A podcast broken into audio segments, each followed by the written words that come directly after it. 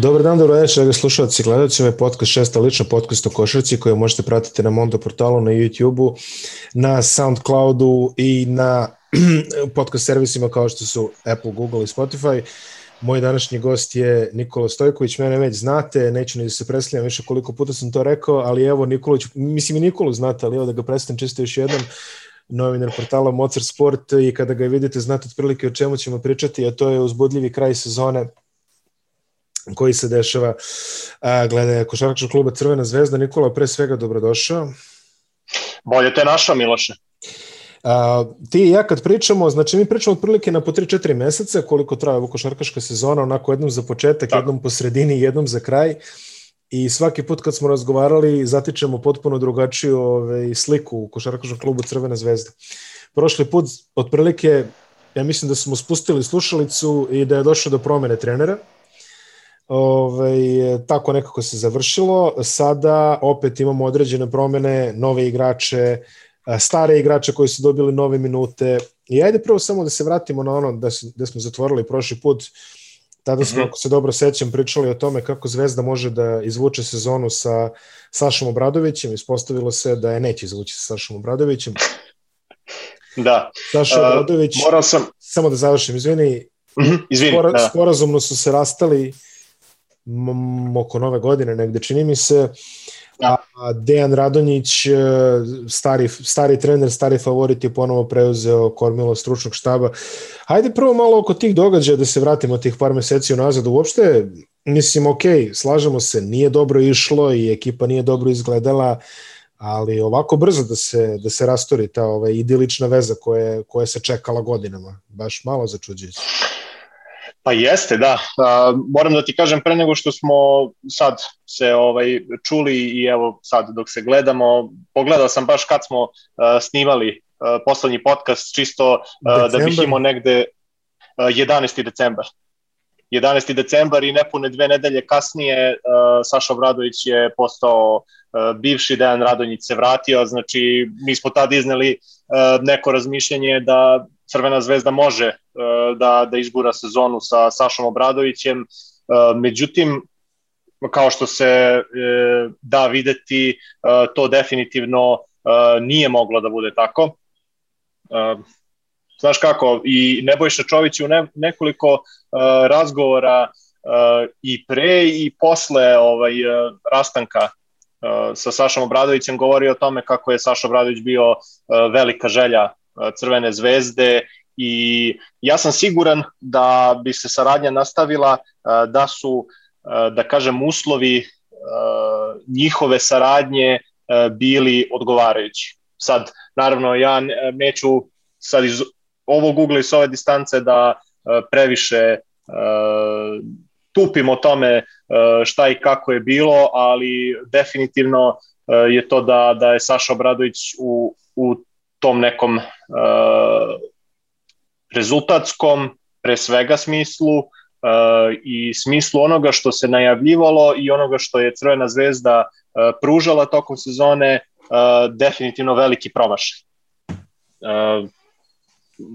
Jeste to bila veza koja se čekala jako dugo, ali opet kad pogledaš iz ovog ugla s ove distance E, previše loših procena, e, previše e, loših akvizicija, tu naravno uzimamo i u obzir i činicu da je Landry Noko morao da, da izađe iz ugovora, odnosno da je Zvezda nije aktivirala njegov ugovor, da su onda morali naprasno da traže novo rešenje, pa da to rešenje nije bilo adekvatno i tako dalje. Međutim, ono što mogu da kažem jeste da je E, Saša Obradović je možda najviše e, posla koštala e, zapravo mm, njegov, zapravo koštao njegov odnos s, sa domaćim igračima. Tu pre svega mislim na Dena Davidovca, Ognjana Dobrića i Branka Lazića, jer ako pogledamo sliku današnje Crvene zvezde koja, da kažem, u nekom rezultatskom smislu Euroligi nije napravila ništa spektakularno, znači eto završila je ligaški deo na pretposlednjoj poziciji, ali s obzirom na to šta je Dejan Radonjić imao i kroz kakve je situacije prolazio tokom ova četiri meseca, evo nepuna četiri meseca kako je tu, to je, da kažem, još, da kažeš, ajde i, i, i razumljivo, ali ako pogledamo iz prizme toga šta je Dejan Radović napravio sa Dobrićem Davidovcem i kapitenom Lazićem, pa onda opet i u kupu sa Uskokovićem i u još nekim utakmicama kasnije, znači vidi se očigledna razlika. Naravno, došlo i do tu do zasićenja nekog, čini mi se, i igrača prema treneru bivšem i prosto onda je to sve dovelo do, do situacije koja se kasnije dogodila da je Saša tužio klub, da je uh, tražio uh, isplatu novca za obe sezone plus bonus za kup i tako dalje, što je negde, da kažem, i povredilo osjećanja navijača i on negde dodatno ukaljalo uh, sliku onoga što je saradnja između Obradović i Zvezde trebalo da bude, a kako se onda završilo. Dobro, sad, ok, da ne ulazimo u te ove, ekonomske detalje tog gradski dug. Da, da, ovaj, da. Ne znamo šta je tu dogovoreno i e, kako, da. koji, koji je to ritam isplate. Ove, zadržimo se na ovom čistom e, sportskom, sportskom segmentu, to je da jednostavno Crvena zvezda nije izgledala dobro. Sad, ti si, ti da. si povukao uh, priču o domaćim igračima, to je srpskim igračima. Uh, Bila je to ona izjava Saša Bradovića koja je mnogima zasmetala kada je pričao, kada je na, naglas ono rekao srpski igrači su sad sam zaboravio tačnu rečenicu, ali ove, ne, nije, nije bilo u previše svetlom tonu glede. Igrali su, igrali su dobro, ali su isto tako i grešili dosta. Od da, da, da. da kažemo, da parafraziramo tako. Jeste, je, tako da. nešto, ali baš da trener eh, srpskog kluba u Euroligi izvuče srpske igrače kao nekakav faktor koji je zasmetao, to mi je baš ovako bilo čudno, tada mi je to, Jeste. priznati, da. meni je zasmetalo, nisam bio jedini, e, bilo, bilo je tu ovaj, dosta reakcija, ali opet nisam nalazio da to može biti sad nešto ono što kažeš, ono okidač, da se oni tu raziđu. Bilo je tu stvarno nekih, nekih trenutaka kada čuvena utakmica protiv budućnosti i ovaj, nezvanje faula, primjer, da, jest. To, to je bio jedan ovako ekstreman primjer. Uh, Um, naravno, Saša Obradović je to i sam istakao u, ovaj, u izjavama posle, a to je bila činjenica da nedostajali su mu navijači. Uh, vrlo je. moguće da sa navijačima na tribini da je ovo potpuno drugačija priča, međutim, sigurno bi pogurali, sad ja ne kažem da bi Zvezda stvarno, mislim, bilo je tih priča Zvezda s navijačima, Zvezda, ok, jeste, ali uh, sad Zvezda je završila sezonu, kako beše, sa 11 uh, pobjeda, čini mi se, 10 ili 11, da. boravio sam sada. Od čega, inače, ti si rekao Sradonjić, Sradonjić im je ostvarilo skoro od 5-13, ako se ja ne varam. Da. Um, sa 11 pobjeda 10, 10 je Zvezda imala 10, 10, ok, znači 10, 5, 5 su ih podelili. Um, 10 pobjeda i koliko je to? 28 poraza, 26, više, više ne znam koliko. 24. 24, eto, 24. negde. Uh, u svakom slučaju, sa skorom 10-24 u slučaju sa navijačima, sa ovakvom selekcijom koja je krenula ukrivo od samog starta. Pa, da, da. Uh, odgovorno tvrdim, Zvezda bi u nekom najboljem mogućem slučaju mogla obaci do 15 pobjeda. To je to neki ovako naj, najoptimističniji scenarij po meni. Ajde kažemo bilo je realno 2-3 da su pre, da su prešle onako prevagnule. Bilo je dosta gubljenja da. jednu loptu. Uh, ali To sam baš teo da kažem, da. Bilo je dosta, ali ajde kažemo 2-3 sigurno bi prevagnule, možda ajde, ali 5 to je onako plafon. Da. I ni to opet ne bi bilo dosta. Tako da mislim da u suštini ne treba previše razmišljati u tom smeru, to je sada zakopano, da se tako izrazim, gotova je ta priča i taj raz došao. Evo, dolazi Dejan Radonjić, neko koga manje više, ajde kažemo, svi znamo, on ima takođe interesantan debi, ovaj, simptomatično i on debituje u laktašima sa nekom ono bitnom utakmicom kao što je i ovaj, da. Dobro, naravno nije bio debil, bio debil u Valjevu, čini mi se, u nećem se više sad ovaj, Radonjić u prvi put kad došao. Jeste, u, u prvom mandatu je da, debito da, u Valjevu, pa je onda igrao protiv Goke. Ali svi pamte, ali svi pamte, protiv Radničkog, ovaj, ali svi pamte, Da, da, zapravo. Da, u laktašima je bilo. Svi pamte to u laktašima. Da. Tako da svi su to nekako povezali, u laktašima je pala jedna ozbiljna da. borba u šiju, to je bilo onako neko ono, Crvena zvezda nije bilo u utakmici tu. ali da. polako, ali sigurno mislim, Radonjić će treba vremena, nije to ništa. Radonjić je ono, ovaj, košarkaški sinoform, da se izrazim ovaj, aktualno sa ovim okolnostima, ali... Ovaj, treba mu duže vremena da proradi, da. Treba mu duže da vremena da, da proradi, ali, ali kada se aktivira, to funkcioniše. To je to, da. A, u prvom mandatu Crvene zvezde trebalo mu je godinu i po dana da sve poveže kako treba, da tako kažemo. Sada, posle nekoliko meseci, ima tu nekih opipljivih momenta, ali hajde prvo da se fokusiramo ono što je najopipljivije, a to su minuti za igrače koji su bili potpuno ili zaboravljeni ili e, zapostavljeni u tokom Obradovićevog mandata. A, pre sve je Ognjen Dobrić, čovek koji je podigao uh, svoj ono, da ka, što kažu NBA analitičari, usage rate sa nekih ono minimalaca. Obradović je imao taj, to neku uh, strategiju, ne znam kako drugačije da, da nazovem to, ali Obradović je umeo da uvodi Dobrića, on pogodi dve trojke i onda sedne i ne, ne ulazi do kraja utakmice.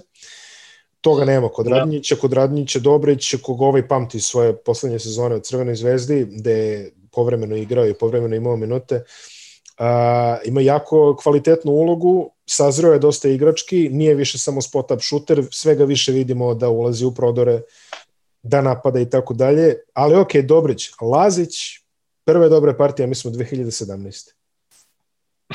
Jeste, jeste, jeste. Uh, znaš kako, evo samo moram kratko da, da se vratim uh, korak dva unazad. Uh, Zvezda je ligaški deo sezone završila uh, sa 11 utakmica koje su uh, imale razliku uh, manju od 10 poena, znači 9 ili manje.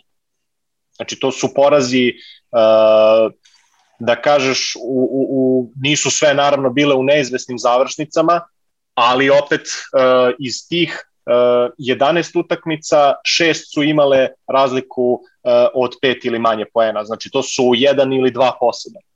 Dakle, e, malo je i faktor sreće nedostaje od Crvenoj zvezdi da skor bude bolji. E, saglasan sam potpuno sa tobom da, da čak i u slučaju da su navijači bili tu da to ne bi možda bilo da to ne bi bilo definitivno sad ne znam kakav bum, ali bi bilo razlike u nekim situacijama i nekim mečevima.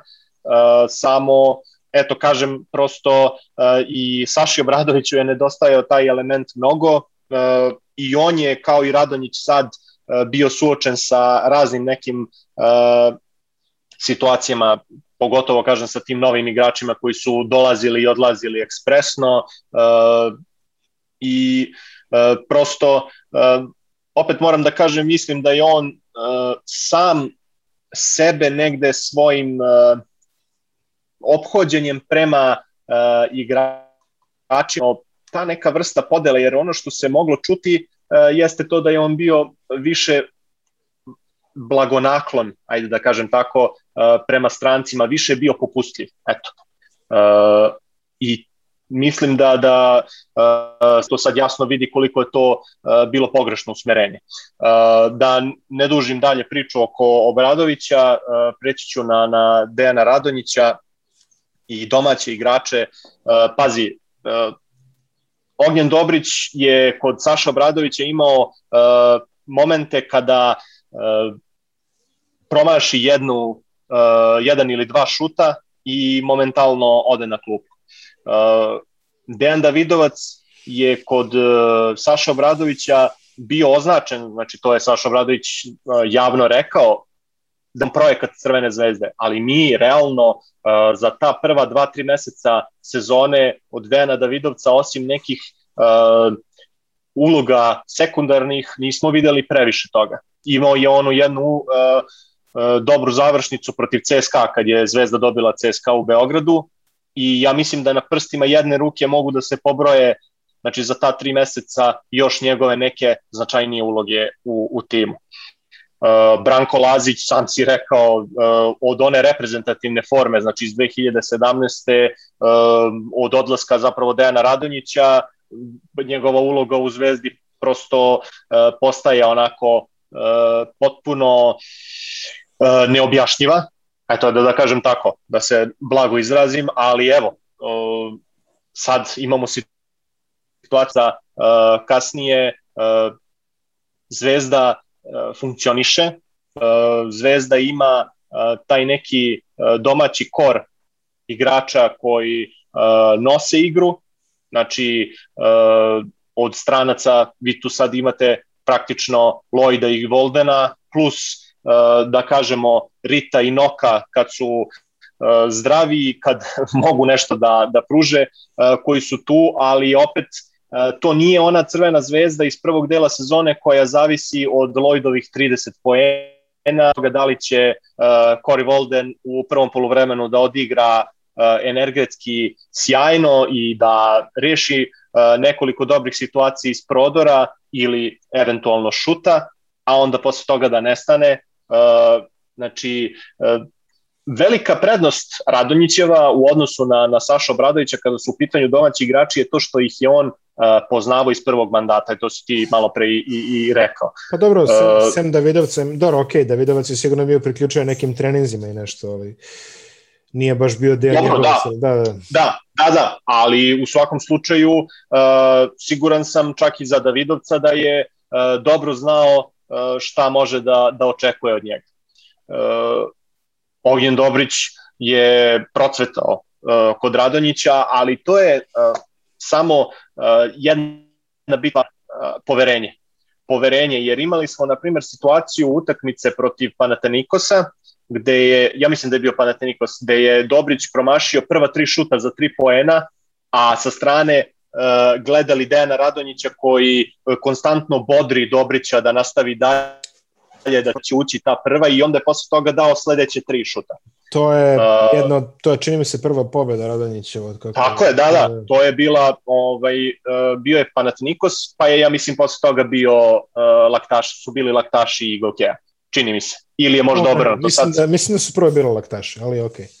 Mo, moguće, da, moguće. Uh, u svakom slučaju, uh, mislim da je sve samo stvar poverenja. Uh, i u Dobrićevom i u uh, slučaju uh, Davidovca i opet Branka Lazića uh, kojeg je uh, Radonjić što bi se reklo nekim finim ispravkama doveo na, na neki nivo iz ranijeg perioda. Branko Lazić je uh, u uh, prvom delu sezone, odnosno kod uh, Saša Obradovića, ja mislim, ubacio sve ukupno četiri trojke, posle toga je u naredne tri utakmice ubacio šest, imao je tipa 60% uh, šuta za tri poena, gde se ponovo videla ta neka njegova, njegov neki značaj iz onih šuteva iz ugla, kada ostane sam. Ti, ti suštinski od Branka Lazića uh, ne možeš da očekuješ uh, u kontinuitetu uh, partije gde će onda da 15-20 poena, one se dese jednom u recimo mesec, mesec i po dana i to je svaki put naravno odlično za Crvenu zvezdu jer znači da se neko drugi malo rasteretio, ali učinak Branko Branka Lazić je znači neki... 51% za tri tokom sezone. E, ovaj, uh, Znači, uh, učinak Branka Lazića kao i nekih drugih igrača, poput uh, sad, na primjer, Lendrija Noka, uh, ili Duo Parita, po meni, iskreno, znači, mnogo je veći od čiste statistike. Statistika, ok, ume ona dosta toga da kaže, ali ume dosta toga i da sakrije i onaj ko želi da gleda samo statistiku uh, videće neke uh, suvoparne brojke uh, koje mogu ili ne da, da daju neki, da kažem, pravi utisak. Uh, u suštini ono što, što hoću da kažem jeste da uh, su sva trojica ostvarili veliki benefit. Uh, isto tako smatram da je i Uskoković uh, iskoristio svoje minute tokom kupa uh, Radivoja Koraća gde je praktično i u polufinalu i u finalu uh, svojim uh, pogodcima pogotovo u polufinalu. Isto, pogotovo tako je u polufinalu, energetski dizao zvezdu, vraćao joj samopouzdanje i pokazao ne samo da zaslužuje mesto u rosteru, već i da zaslužuje i više minuta. Nažalost, Dejan Radonjić kada je došao, to moramo isto posebno da naglasimo, nije imao prostora za, manevarskog prostora za neke promene u timu. Znači, Dejan Radonjić se odlučio, ok, uh, da će uh, kratiti roster, što se i desilo, uh, ali uh, Dejan Radonjić je uh, od svog prethodnika dobio i Kina Koloma koga evo sad više od dva meseca nemamo na, na terenu, ne vidimo ga na terenu, nažalost on je imao uh, najteži oblik virusa korona i uh, zdravlje ipak na nekom prvom mestu, ali ho, hoću da kažem da je uh, i Radonjić negde bio opterećen činjenicom znači da ima još jednog igrača stranca koji je uh, solidno plaćen i koji opet negde mora da ima mesto u timu, što znači automatski žrtvovanje minuta koji bi uh, Aleksiju Skokoviću od, i tekako značili. To je potpuno nešto ovaj, sa, sa čemu ću složiti sa tobom. Skoković i iskoristio svoju priliku u ovom momentu ga nema. Glede koloma, korona na stranu, ne deluje mi kao da bi on bio neko idealno rešenje za kojim bi Radonjić posegnuo, siguran sam. Tako je. U, ovo, u ovom momentu zapravo siguran sam da ni jedan playmaker na rosteru nije nešto što bi Dejan Radonjić verovatno ne, ne računam, da ima, ne računam Voldena, ne računam Voldena na poziciju playmakera. Um, dve ključne stvari koje, koje škripe od početka sezone su pozicija playmakera i pozicija centra. Da. Um, de facto. Na poziciji playmakera ti si već rekao sve. Pokušavalo se sa Holom, i dalje se pokušava sa Holom i on i dalje dobije neke minute, odigruje, ajde kažemo, korisno protiv CDVite. Da. Nije da. ništa previše spektakularno. A, minuti Korija Voldena na Kecu su u najboljem ruku rezervni minuti. On ako, je, ako, ako dobije ulogu playmakera, on vuče još iz Partizana u Partizanu još se pamte njegove partije u kojima se ističe njegova neodlučnost, jer on prosto čovek ako nije, ako nije instruiran da daje poene, on ne zna koji je pravi pas, ne zna jednostavno ima neku dozu neodlučnosti u sebi ako mu je poverena organizatorska uloga, mislim da to nije najbolji način mm. išćavanje, to shvati Radonjić, nego jednostavno a, Volden na Kecu je više neka iznudnica, da tako kažem. Tako je, tako je, da. Jordan Lloyd je, ok, on, on je dvojka, ali puno puta i on učestvovao u prevođenju lopte. Nismo puno videli od Dejana Davidovca na, na, ovaj, na playmakerskoj poziciji ili poziciji sekundarnog kreatora, da se tako izrazim. tako da, kada to sve saberemo i kada dodamo i poziciju centra koja je bila nerešena sa nokovim zdravstvenim problemima, koji su onda, kojima je onda usledilo a, kratkotrajno angažovanje Emanuela Terija koji evo ono drago mi je što mislim ono sve najbolje čoveku i sve stvarno super ali ovaj toliko skroman košarkaški talent u Crvenoj zvezdi nisam video baš baš dosta dugo a, ali ajde čak i da su igrali kao što, kao što on može da igra, nije baš ovaj, e, taj, taj centri koji ne zidaju nisu neka Radonjićeva ona snaga. Da, se da tako, tako je, tako je. Da. Sam, samim time je interesantno je primetiti i promenu u Nokovoj igri koji jeste onako bio jedan dominantan ono roller što, što kažeš, ali uh, sada sve više dobije loptu pod košem i koristi nešto, čini mi se da se on ozbiljno nameće kao neko rešenje za sledeću sezonu, vidit ćemo to sa sve ovaj, da sada na nivou priče. Znači, pozicija playmakera nerešena, pozicija centra da. nerešena, naravno, puno se računa na Kuzmića koji sad je barem dotero do ritma jedna dobra, jedna loša partija, umelo je čest, cela sezona je bilo jedna dobra, tri slabije. Naravno imamo da. razumevanje za njegove probleme koji su raznorodni i hvala Bogu treba se mentalno vratiti iz svega toga. Ali recimo protiv CDVita osjećam da je odigrao solidno sad ovu u Ljubljani, nije odigrao loše. Uh, I taj centar pozicije je nešto što će morati da se razmatra. Međutim, sad dolazimo do, do, do onoga što je, što je pogotovo bolno po meni u ovom ovaj, sastavu cr, Crvene zvezde, a to je pozicija krilnog centra. Uh, Marko Jagodić Kuriđa, ja mislim, jedina četvorka na rosteru, da kažeš da je baš ono prirodna četvorka.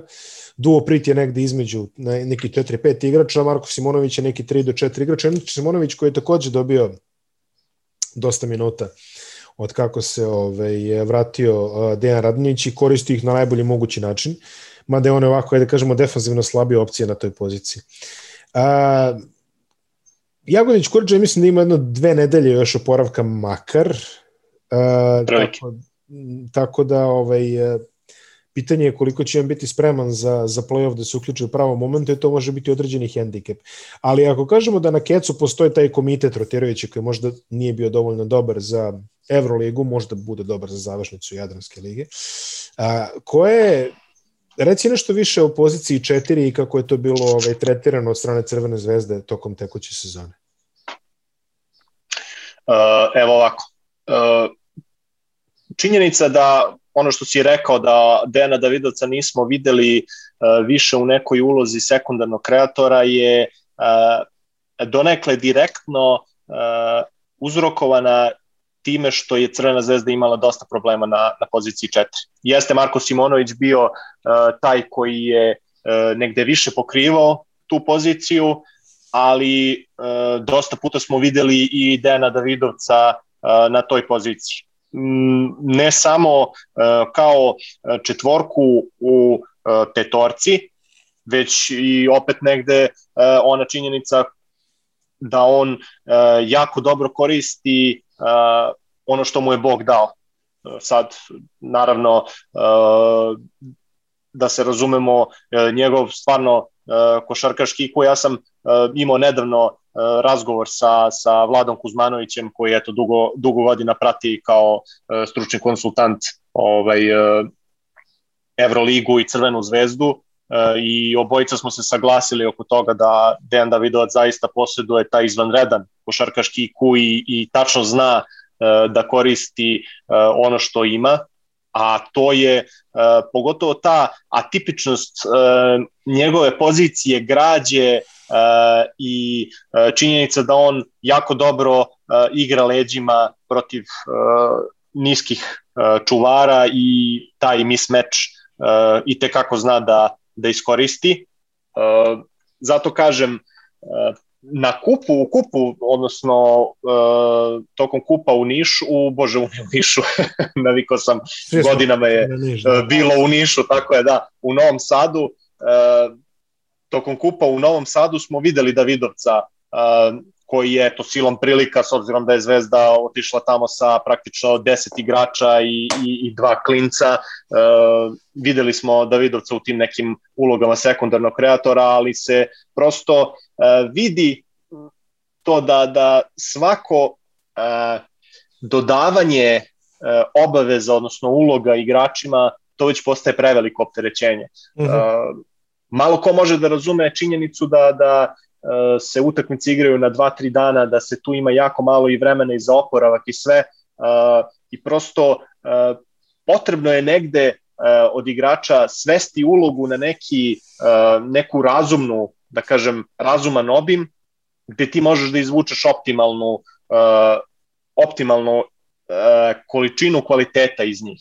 Što se tiče pozicije 4, tu je zaista bilo dosta lutanja, znači počeo od Johnny O'Brienta koji eto uh, od dolaska Dejana Radonjića pao negde u, u drugi plan, pa je onda u Istanbulu imao onaj problem sa uh, kršenjem klubske discipline, zbog čega je bio odstranjen, pa onda se to na, na to se nadovezala korona, znači problem sa petoricom igrača gde je on prinudno vraćen nazad jer budimo iskreni, bez njega Crvena zvezda ja sad tako razmišljam, ovaj, ne bi mogla da, da uradi ono što je uradila i uh, Johnny O'Brien je u Novom Sadu uh, pokazao tu dozu uh, da kažem privrženosti timu, odnosno podređenosti tima, je to bolje da tako kažem. Odradio je vrlo dobar posao moram da priznam, s obzirom yes. na neke njegove izlete koje je imao uh,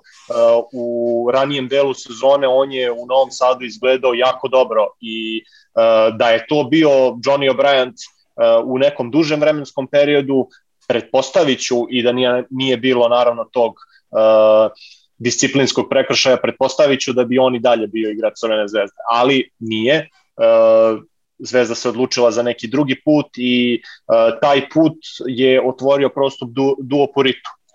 Nažalost, uh, evo, uh, u, u ovom svetu u kojem živimo, Crvena zvezda jako, jako, jako uh, kuburi sa, sa uh, virusom korona i duoprit je taman počeo da, da hvata neki dobar ritam, zaista postao koristan igrač i, i počeo da stiče ono neophodno iskustvo koje bi, uh, ja sam siguran, uh, i tekako prijalo Zvezdi u narednoj sezoni. On se razvoleo, isto tako i Landry Noko taman što je prebrodio svu onu muku koja ga je ovaj, praktično odvukla od terena svih prethodnih meseci, zaigrao je i onda se i on razboleo, pa je opet stao, pa je opet počeo da hvata A takva zalet. sezona, takva sezona. Takva je, da, nažalost, takva je sezona i to uh, samim tim uh, dovodi u situaciju uh, trenera stručni štab da, da kombinuje ekipu kako zna i ume. Znači od toga da Marko Simonović mora da igra na poziciji 4 što realno uh, on pogotovo u tom nekom defanzivnom smislu teško da može da izgura pogotovo protiv nekih jačih, fizički jačih igrača, do toga da smo gledali i Davidovca u onim niskim petorkama da je Marko Jagodić Kuriđa bio uh, pet, uh, suštinski i Jagodić Kuriđa je imao nekih kvalitetnih minuta, ali opet vidi se i, i opterećenje, opterećenje na njemu eto, do ove povrede i on je počeo već da onako luta sa, sa formom, imao je dobrih izdanja, pa je onda posle padao, pa je donosio i možda neke onako diskutabilne odluke, uh, tako da sve u svemu uh,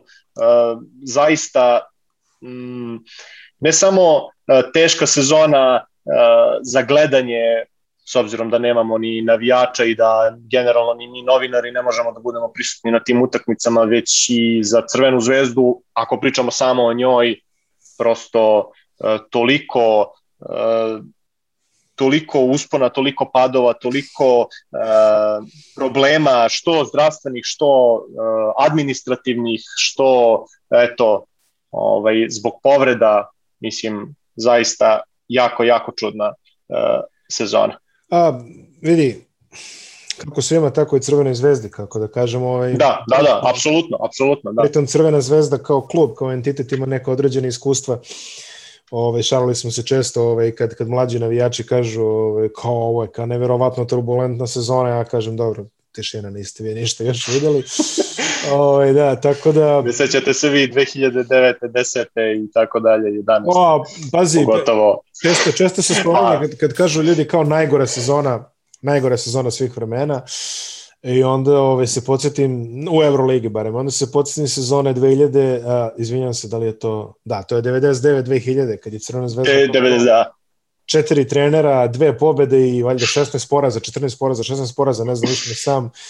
A, igranje u Beču, prvo u Beču, pa Pionir, pa, pa ovo, pa Jeste. pa ono, pa raspadi, pa poraz od čudo, Partizana, čudo. Poraz od Partizana u polufinalu, koji je kao da. ce, koji je celu sezonu predstavljan kao rebuilding, došli mladi igrači, ovo ono, i onda, ovaj, i onda pobede. Dobro, ok, u finalu su svi izginuli od budućnosti, ali nema veze, mislim svakako uvek, uvek postoji gore, barem kada se, crv, kada se radi o Crvenoj zvezdi, postoji dubok arhiv gorih primjera na koje može ovaj, da se yes. Na koje može da se referiše. Sezona svakako atipična, činjenica da nema navijača jeste duše nešto što ajde, da kažemo, dosta utjecalo. E sada, stigli smo ovaj, nekako i do, i, do kraja tekuće jadranske sezone koja je takođe imala te ove, korona probleme, malo odlaganja, malo ovoga, malo onoga i sve to. U momentu dok ti i ja pričamo, Crvena zvezda još mora da odigra dve utakmice dok ljudi budu gledali ovo, znači već ishod jedne. To je utakmica protiv e, Krke u novom mestu koje se igra ovaj, danas, danas je utorak, znači to je kad je u pola sedam, čini mi se. Pola sedam, pola sedam, da. Računica je vrlo jasna, Crvena zvezda mora da pobedi obje utakmice kako bi zadržala prednost domaćeg terena. I sada dolazimo već u ovaj uh, završnu fazu. Znači, roster smo analizirali sve, sve tu što jeste. Uh, jednu stvar samo hoću da kažemo kod Dejana Davidovca, to je da on povremeno ovaj, izražava... Dejan Davidovac i, ovaj, i Rade Zagorac su dosta specifični po jednoj stvari. Igrački se dosta razlikuju, hvala Bogu, i po, i po da. Međutim, dosta specifični po jednoj stvari je to što mi deluju da previše razmišljaju o svom narednom potezu ponekada. Davidovac pogotovo ume da zaglavi tako, ovaj, u, u ne, mislim Davidovac je, ako se dobro sećam, čak i napravio duplu tako što je skočio i ostao sa loptom u posedu ovaj, pre, da. pre, pre nekoliko ute, što je onako yes. jedan klasičan primer, ali e, vidi, se, vidi se da on tu ima neke ovaj, e, vidi se da on tu ima neke dobre ideje, ali e, dosta puta mu se desi da on te ideje ne može da materializuje zato što mu se u momentu realizacije javi još tri ideje. E, mm. I, i, I često se, de, znači, treba, to je čak i Saša Obradović rekao, treba mu malo više odlučnosti u nastupu. On to polako dobija, jeli, ali opet nije ni on više u cvetu mladosti, ja više ne znam ni koliko on ima, mislim, u, u nekim... Pa oni do, Dobrić 26-27 godina. Tako je, u nekim normalnim igračkim godinama. Tako da, ovaj, očekujem, očekujem da sledeće sezone to potpuno legne, ali ovaj, nadam se da ćemo u play-offu videti izuzetno odlučnog i fokusiranog ove Dena Davidovca, barem što se mene kao navijača tiče. Um, do, do samog play-offa, znači kao što smo rekli, računica je jasna i onda se verovatno sve uh, namešta za to ovaj, uh, finale protiv uh, budućnosti, najverovatnije, jeli, da kažemo tako. Uh, naravno imaju i drugi klubovi kogod se bude plasirao dosta neizvesno dole, ovaj, tri ekipe su u, u borbi za, za dva mesta i uh, da. direktan plasman će odlučivati utakmica i Gokeja Mornar. Tako da lepo je što imamo ovaj, uh, tu napetu ovaj, situaciju. Ba, barem, uh, barem u ulasku play-off, nadamo se da će play-off biti takođe kvalitetan. Ali sad pazi, od kako je došao Radonjić, ja smatram da je celo ova sezona audicija za narednu sezonu, da se tako izražim. Apsolutno, apsolutno, da. A, ukoliko se osvoji trofej, utoliko bolje, ja verujem da ljudi znaju kakva je muka naslediti ekipu koju ti nisi selektirao i onda se baviti usput za svim problemima u hodu. Radnić se nekako bori, naravno ovo ne liči još uvek na košarku koju deja lične momente, da kažemo ajde 22 minuta od 40, to liči ono što su mi navikli. U nekom momentu će to leći, kao što su, to, to je sve bez problema, ali sada ajde da kažemo prvo, prva stvar. Uh, playoff nema što da pričamo, otprilike manje više znamo šta kako ide i znamo šta treba da se desi, analizirali smo celu ekipu. Ali ajde sad ono, ono interesantnije. Um, ko ostaje za sledeću sezonu i da li vidiš uh, nekoga od stranaca, iz, izađe ćemo Voldena koji je na dvogodišnjem ugovoru, uh, da li vidiš nekoga od stranaca koji bi mogao da ostane i zašto? Pa, znaš kako, uh, iskreno, iskreno očekujem uh, Voldena i Rita da ostanu. Dobro, uh, Rit, Rit prvo, uh, da, ja, ja iskreno mislim da, da su Volden i, i Rit uh, ti Langston Hall iskreno uh, da ti kažem m, iz mog nekog ovaj dosadašnjeg iskustva odnosno gledanja onoga što on radi uh, to nije to mislim da se velika greška napravila uh, sa njegovim dovođenjem uh, u trenutku kada nije bio rešen prvi playmaker. Imali smo uh, situaciju, ako se vratimo malo unazad, samo kratko ću, Saša Obradović koji je posle odlaska iz Zvezde na društvenim mrežama se da tako kažem, raspravljao sa navijačima oko toga šta nije bilo dobro, šta jeste bilo dobro, pa je on i sam napisao da je nedostajao prvi playmaker. Uh, to je uh, kako bih rekao, e, valjda ako gradiš tim, prvo gradiš od toga da ti playmaker i centar budu, odnosno prvi playmaker i prvi centar budu rešeni. Mi smo videli Langstona Hola koji je praktično bio taj prvi playmaker uh, koji je došao znači iz Grčke, iz Evrokupa, iz sezone gde je imao dosta uh, problema sa povredama, da bude prvi organizator igre. Pa kad to nije prošlo, onda se prešao na Korija Voldena, pa se onda lutalo i tako dalje.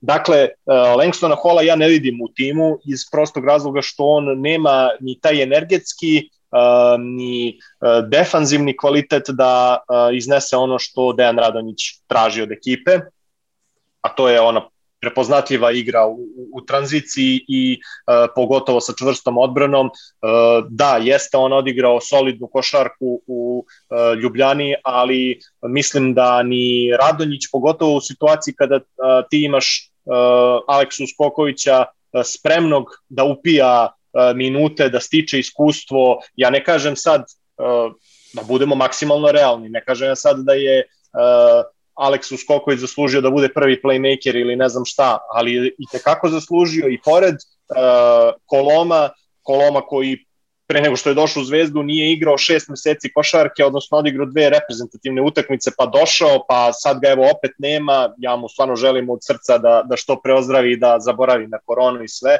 Uh, naravno ni Koloma ne vidim u, uh, u timu. Uh, Jordan Lloyd, Jordan Lloyd naravno ja mislim uh, kada bi bilo nekih uh, normalnih, realnih uslova uh, da on ostane, pa i da kažeš da bi bilo okej, uh, ali ja to ne vidim. Pre, svega iz prostog razloga što Lloyd je i prošlog leta, a pogotovo će ovog leta čekati poziv iz NBA ligi. I to je njegov prvi cilj, mislim to je nešto što, što, je, što se kaže ono javna tajna. Da. Uh, on čeka poziv iz NBA lige i pre nego što uh, bilo šta bude odlučio, sačekaće da vidi kakve su mu opcije tamo, ako tamo ne bude mogao ništa da nađe, siguran sam da će ostati u Evropi i da će uzeti i veće pare. Evo, imali smo nedavno uh, slučaj da ga je Makabi tražio da mu je nudio uh, 650.000 dolara i da je on to odbio iz istog razloga znači NBA lige, Olimpijakos koji uh, definitivno kreće u novi rebuilding ekipe i ima dosta igrača na, na uh, radaru, između ostalih i Lloyd, ali u svakom slučaju, kažem, mislim da je Duo Prit zbog mladosti i onoga što je pokazao u momentima kada je bio zdrav i u, u punoj snazi, da kažem, kao jedan od najneiskusnijih igrača, pokazao da ima kvalitet, prvo što pokriva dve pozicije, 5-4 više, negde da kažem 4 zbog tog izlačenja na šut za 3 poena i Cory Walden koji ja iskreno gledam na, na, na, na to tako da on mora da ostane jer je uh, energetski okidač uh, Zvezdin uh, onako, jako on ne pokazuje toliko emocija, ali on je kao pitbull, videli smo ga mnogo puta kako grize u odbrani, kako se bori za svaku loptu, uh, koliko se troši, koliko je uh, bespoštedan u tim uh, situacijama. Mislim da, da, da je to sasvim, da kažem, dovoljna neka osnova za, za dalje. Šta da kažemo, Noko, Noko, to si lepo rekao, da se on polako nameće. On je, već sam, već sam to rekao, neko ko se, čiji se učinak vidi daleko od uh, statistike. Evo, na primer, pogledajte samo dve utakmice protiv Cedevite uh, u Beogradu gde je Zvezda kuburila sa uh, skokovima bez njega i u uh, Ljubljani gde je on sama njegova neka pojava u reketu e, je unela više sigurnosti u igru Zvezde. E, pokupio je neke lopte, mislim da je imao pet skokova e, ukupno, ali je dosta lopti i izbio ka saigračima, dosta je dobrog posla odradio. Zvezda je taj, tu utakmicu u Ljubljani, ja mislim da im je to uz recimo ajde Makabi i možda još dve, tri utakmice da to za celu ovu sezonu do sad, da su to eto, najbolja izdanja Zvezdina, pogotovo ovo u, u, u Ljubljani, najzrelija partija. Apsolutno je, mislim, eto, uh, Noko je imao double-double, ja mislim, protiv uh, Makabija, ako me sećanje dobro služi, uh, gde je uhvatio uh, pet lopti u napadu, malo li je. Mislim, treba imati obzira prema tome šta je on prošao i koliko, koliko je dugo kuburio sa zdravljem, sa formom, sa ulaskom u formu, ispadanjem iz iste i sve. Mi smo njegove odlične partije videli u Albi i mislim da to on i naredne sezone može da pruži. Sad vidjet ćemo samo da li kao prva ili opet negde realnije kao možda druga opcija. A, a što se tiče domaćih igrača, znači imamo tu, po meni mislim, ono, relativno, relativno krizni, po znakom pitanja mi je Jagodić Kuriđa, koji nisam siguran da li posjeduje kvalitet da može da igra Euroligu sa toliko konsistencijom, ima je on nekoliko dobrih partija, ali čini se da on ipak nije taj da. nivo, uh, barem za startnog krilnog centra u Euroligi, tako da to je neka pozicija koja bi možda mogla da se sagleda. A konstrukcija Radvanjićevih ekipa je ovaj, dosta jasna. A, znači, temelj, temelj, temelj Radonjićevih ekipa je uvek playmaker, što je logično. Tako je. Obzir, obzir, obzir da je on bio playmaker. Uh, igranje odbrane, uh, centar koji, ajde kažemo, igra sa zida. loptom, zida, igra sa loptom, da. može tako, i uh, ukoliko je moguće, neki individualni genijalac, da tako kažemo, koji daje kolorit celoj ekipi. 2014. na 15. je to bio Marcus Williams, 2015. na 16. je to bio Quincy Miller. 2016. na 17. nije postojao takav igrač, ali ekipa je toliko ovaj, e, napredovala timski da prisustvo da. igrača zapravo nije ni bilo neophodno. Ovaj, da. Tako da uh, Lloyd bi bio interesantan da ostane u tom smislu, on definitivno ovaj, uh, gađa taj kriterijum tog Tako je. Tako tog da. genijalca. Da. Nisam siguran da li, da li će biti moguće izbogzovati njegov ostanak i ako se ne javi niko iz NBA, ja verujem da on ima mnogo interesantnih ponuda od ostanka u Beogradu. Mm, da. Ali ovaj, za, za celu ekipu po meni ključan je taj play koji će doći, a mislim da cela Srbija gleda u Stefana Jovića trenutno, barem ovi što navijaju za Crvenu zvezdu, koji gotovo izvesno neće nastavljati ovaj, karijeru u Rusiji. Vidjet ćemo da li će on imati drugih ideja, naravno. Ali on se da. nameće kao ovaj, nekakav prirodan izbor, uzavši obzir i njegovu predistoriju sa, sa Dejanom Radnićem s kojim je izuzetno uspešno sarađivao. A, Jović je kao opcija, a, čini mi se kao nekako i ovaj, najrealnije. I ostaje još i pitanje ovaj, ostaje još i pitanje šuta koje realno je koliko toliko rešeno sa Ognjenom Dobrećem, ali neophodno je dovesti još nekako pojačanje koje će imati sigurnih nekoliko trojki, mislim nekoliko pokušaja, nekoliko pogođenih po utakmici i Simonović opet u godinama je, tako da ne možemo ni od njega očekivati da on pruži ove kvalitetne partije i sledeće sezone. I tu se opet pogađa se nešto oko Korija Voldena da on bude katalizator cele te generacije, da kažem eh, Charles Jenkins verzija 2.0 u, da. ovom konkretnom slučaju, što je uloga koju on već sam istakao da, da može da pokrije i tako dalje. Tako da, ovaj, budućnost Crvene zvezde biće dosta interesantna i sad opet naravno moramo da se osvrnemo na ovo, ovu situaciju koja se trenutno promiče oko dodele raznoraznih licenci. Još uvek nemamo ništa apsolutno zvanično ni nekakvu temu. Ono što možemo da kažemo je da je nešto zvaničniji podatak od, od ostalih je da će budućnost Partizanica Devita Olimpija, jutro su se pojavila informacija da su svi dobili pozivnice na tri godine u taj novi reformirani Evrokup. Um, Crvena zvezda pominje se, pa se ne spominje, pa se ne spominje, pa se pominje, pa se pominje i tako onako u krug se vrtimo, ovaj, jeli svakako sa tim uh, sa tim čudesnim informacijama, ali ono što je ono što jeste potvrđeno je da pobednik Jadranske lige ove sezone definitivno ide u Euroligu. I to je dobra vest, da. To je jako dobra vest. A, tako da, ovaj, što se licence tiče, ja ću samo reći jednu stvar. Ovaj, naravno, svi bi volili da vide Crvenu zvezdu tri uzastopne godine u Euroligi, ajde kažeš, na, na potpis. A, međutim, um, deo tradicije balkanske košarke, deo tradicije srpske košarke, jugoslovenske košarke, nazovite to kako već hoćete je, e, je činjenica ovaj, da, da je naša energija, da je naša snaga uvek e, kretala od toga da se pokažeš da se najbolji u svojoj kući, a onda se dokazuješ dalje. Znači, uh,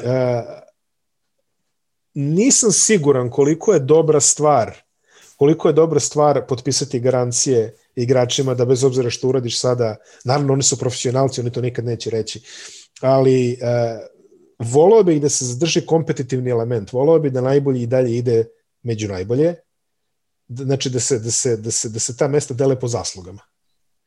Jer, Apsolutno. Oduz, jer oduzeti, uh, oduzeti takmičarski element oduzeti takmičarski element jednom kvalitetnom košarkaškom takmičenju kao što je Jadranska liga bi vrlo moguće dovela do urušavanja iste jer odjednom, da. odjednom bi se našlo, odjednom bi se našli ovaj, Mornar i Egukeja na ostrvu, otprilike, ovaj, jer ne vidim niči, Mornar bi vjerojatno dobio neku wild cardu za ovaj, Evrokupa, Egukeja Fibin, Fibin ovaj, Jack, tako da oni, oni, njima je super u tom takmičenju ali vrlo lako bi mogli da, da urušimo jedno izuzetno kvalitetno košarkaško takmičenje koje je pogotovo na svetu dobilo na, na reputaciji, na brandingu, Jer pogledajte u NBA-u koliko je samo aktivnih veterana Jadranske lige.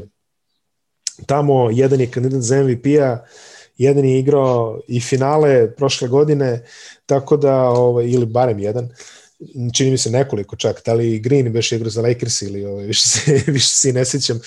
Ali, da, da, to je sad.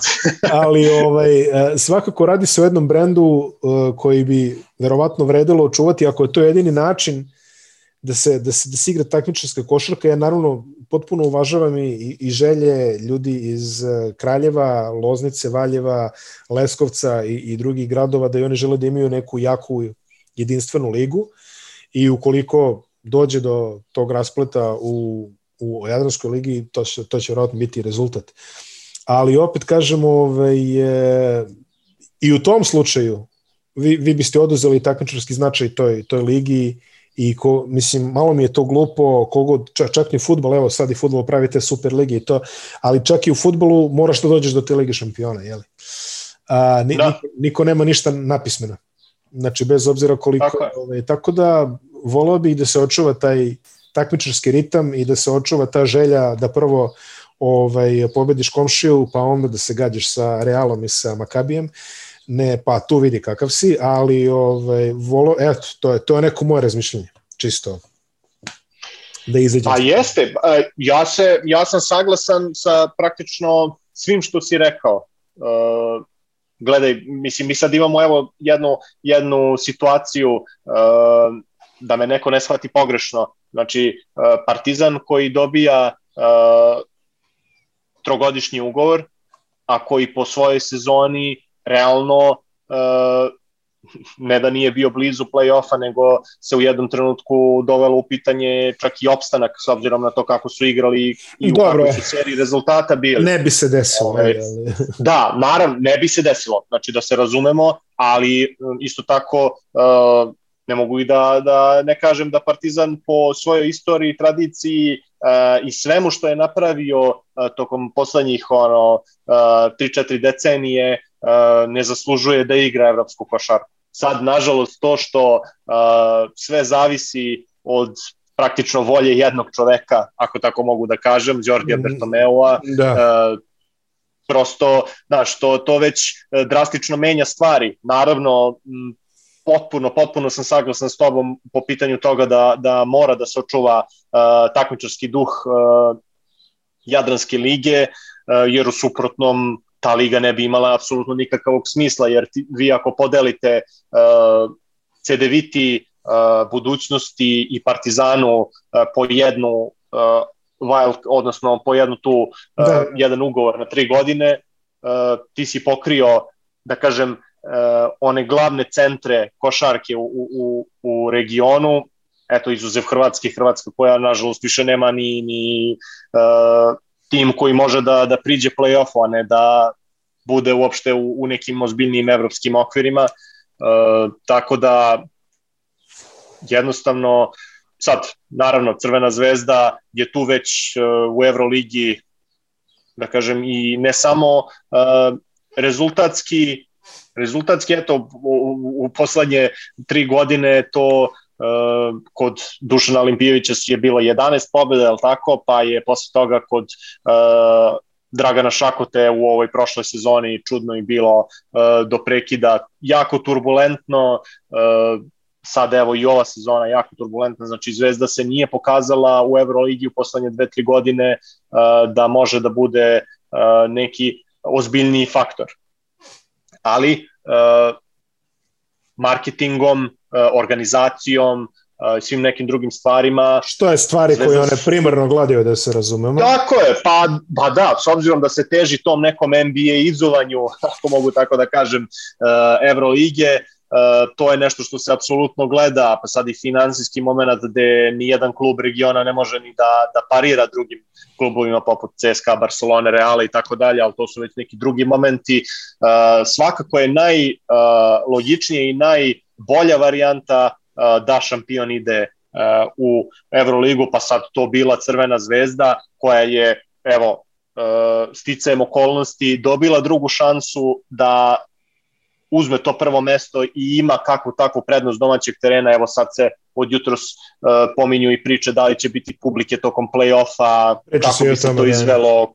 Da, to je sad nešto što je uh, van ovog ova novih futbalskih stvari jedna jako bitna tema, tako da vidjet ćemo. Dosta je tu sad nekih onako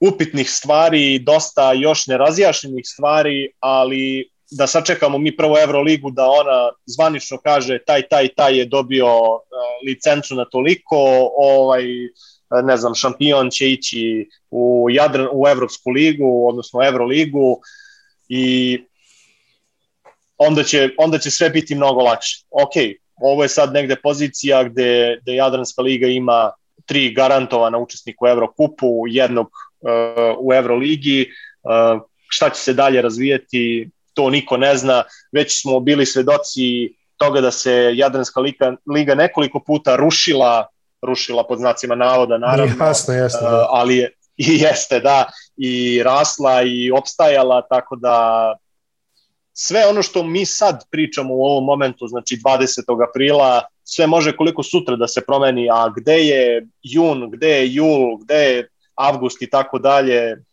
ima još mnogo toga da se, e, da se izdešava. U svakom slučaju e, Crvena zvezda svakako mora da iskoristi ovaj poklon koji je dobila poklon ne mogu da kažem zapravo poklon, nije poklon, uh, dobila je dobila je Cedevitu, uh, Mornar, Mornar koji... Igra za sebe uh, Mornar, tako da nema to Igra, poklon. igra je za sebe maksimalno i uh, da ti kažem nešto, taj napadački potencijal koji ima Mornar kada im je dan, ja ne znam, to ne samo budućnost, ne Crvena zvezda, nego i neki evropski klubovi, teško da bi mogli da da izdrže.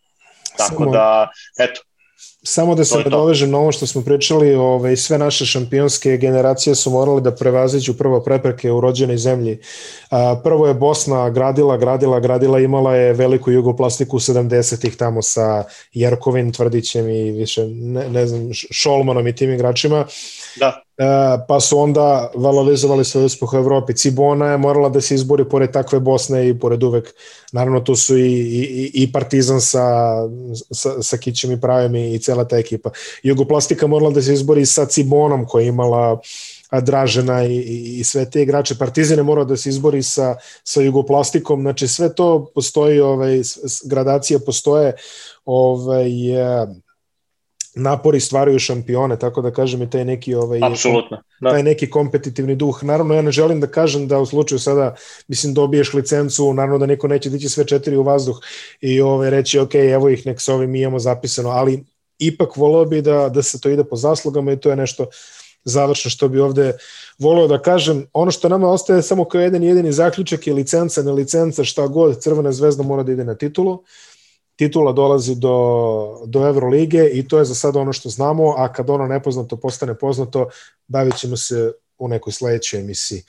Uh, Nikola, hvala ti još jednom ovaj, na izdvojenom vremenu ove sezone i evo u duhu onoga što je jutro se objavljeno, a to je da posle uskrsa možda sa potvrdom o revakcinaciji ili PCR testom možete ući ovaj, na košarkašku utakmicu, još nije donesena odluka da li će toga da bude, ali eto, ako se desi, nadam se da ćete fakat vidjeti u hali na jednoj od ovih manifestacija koje su nam preostale, a ostala nam je cela Jadranska liga i ostalo nam neko to finale KLS-a koje će nekako da se nekim čudom će morati da se odigra sve ovo. Da se ugura, ugura ovaj raspored. da se ugura ovaj raspored koji je napet takav kakav jeste, a onda nas očekuju i kvalifikacije, a onda nas očekuje, bože zdravlje, olimpijada, to je su olimpijske igre, da se ne uvrede neki, tako da ovaj, svašta, svašta je tu pred nama, ali eto, kažem, nadam se, sve smo bliže tom momentu na tribinama, pa eto, neka bude tako. Nikola, hvala ti još jednom.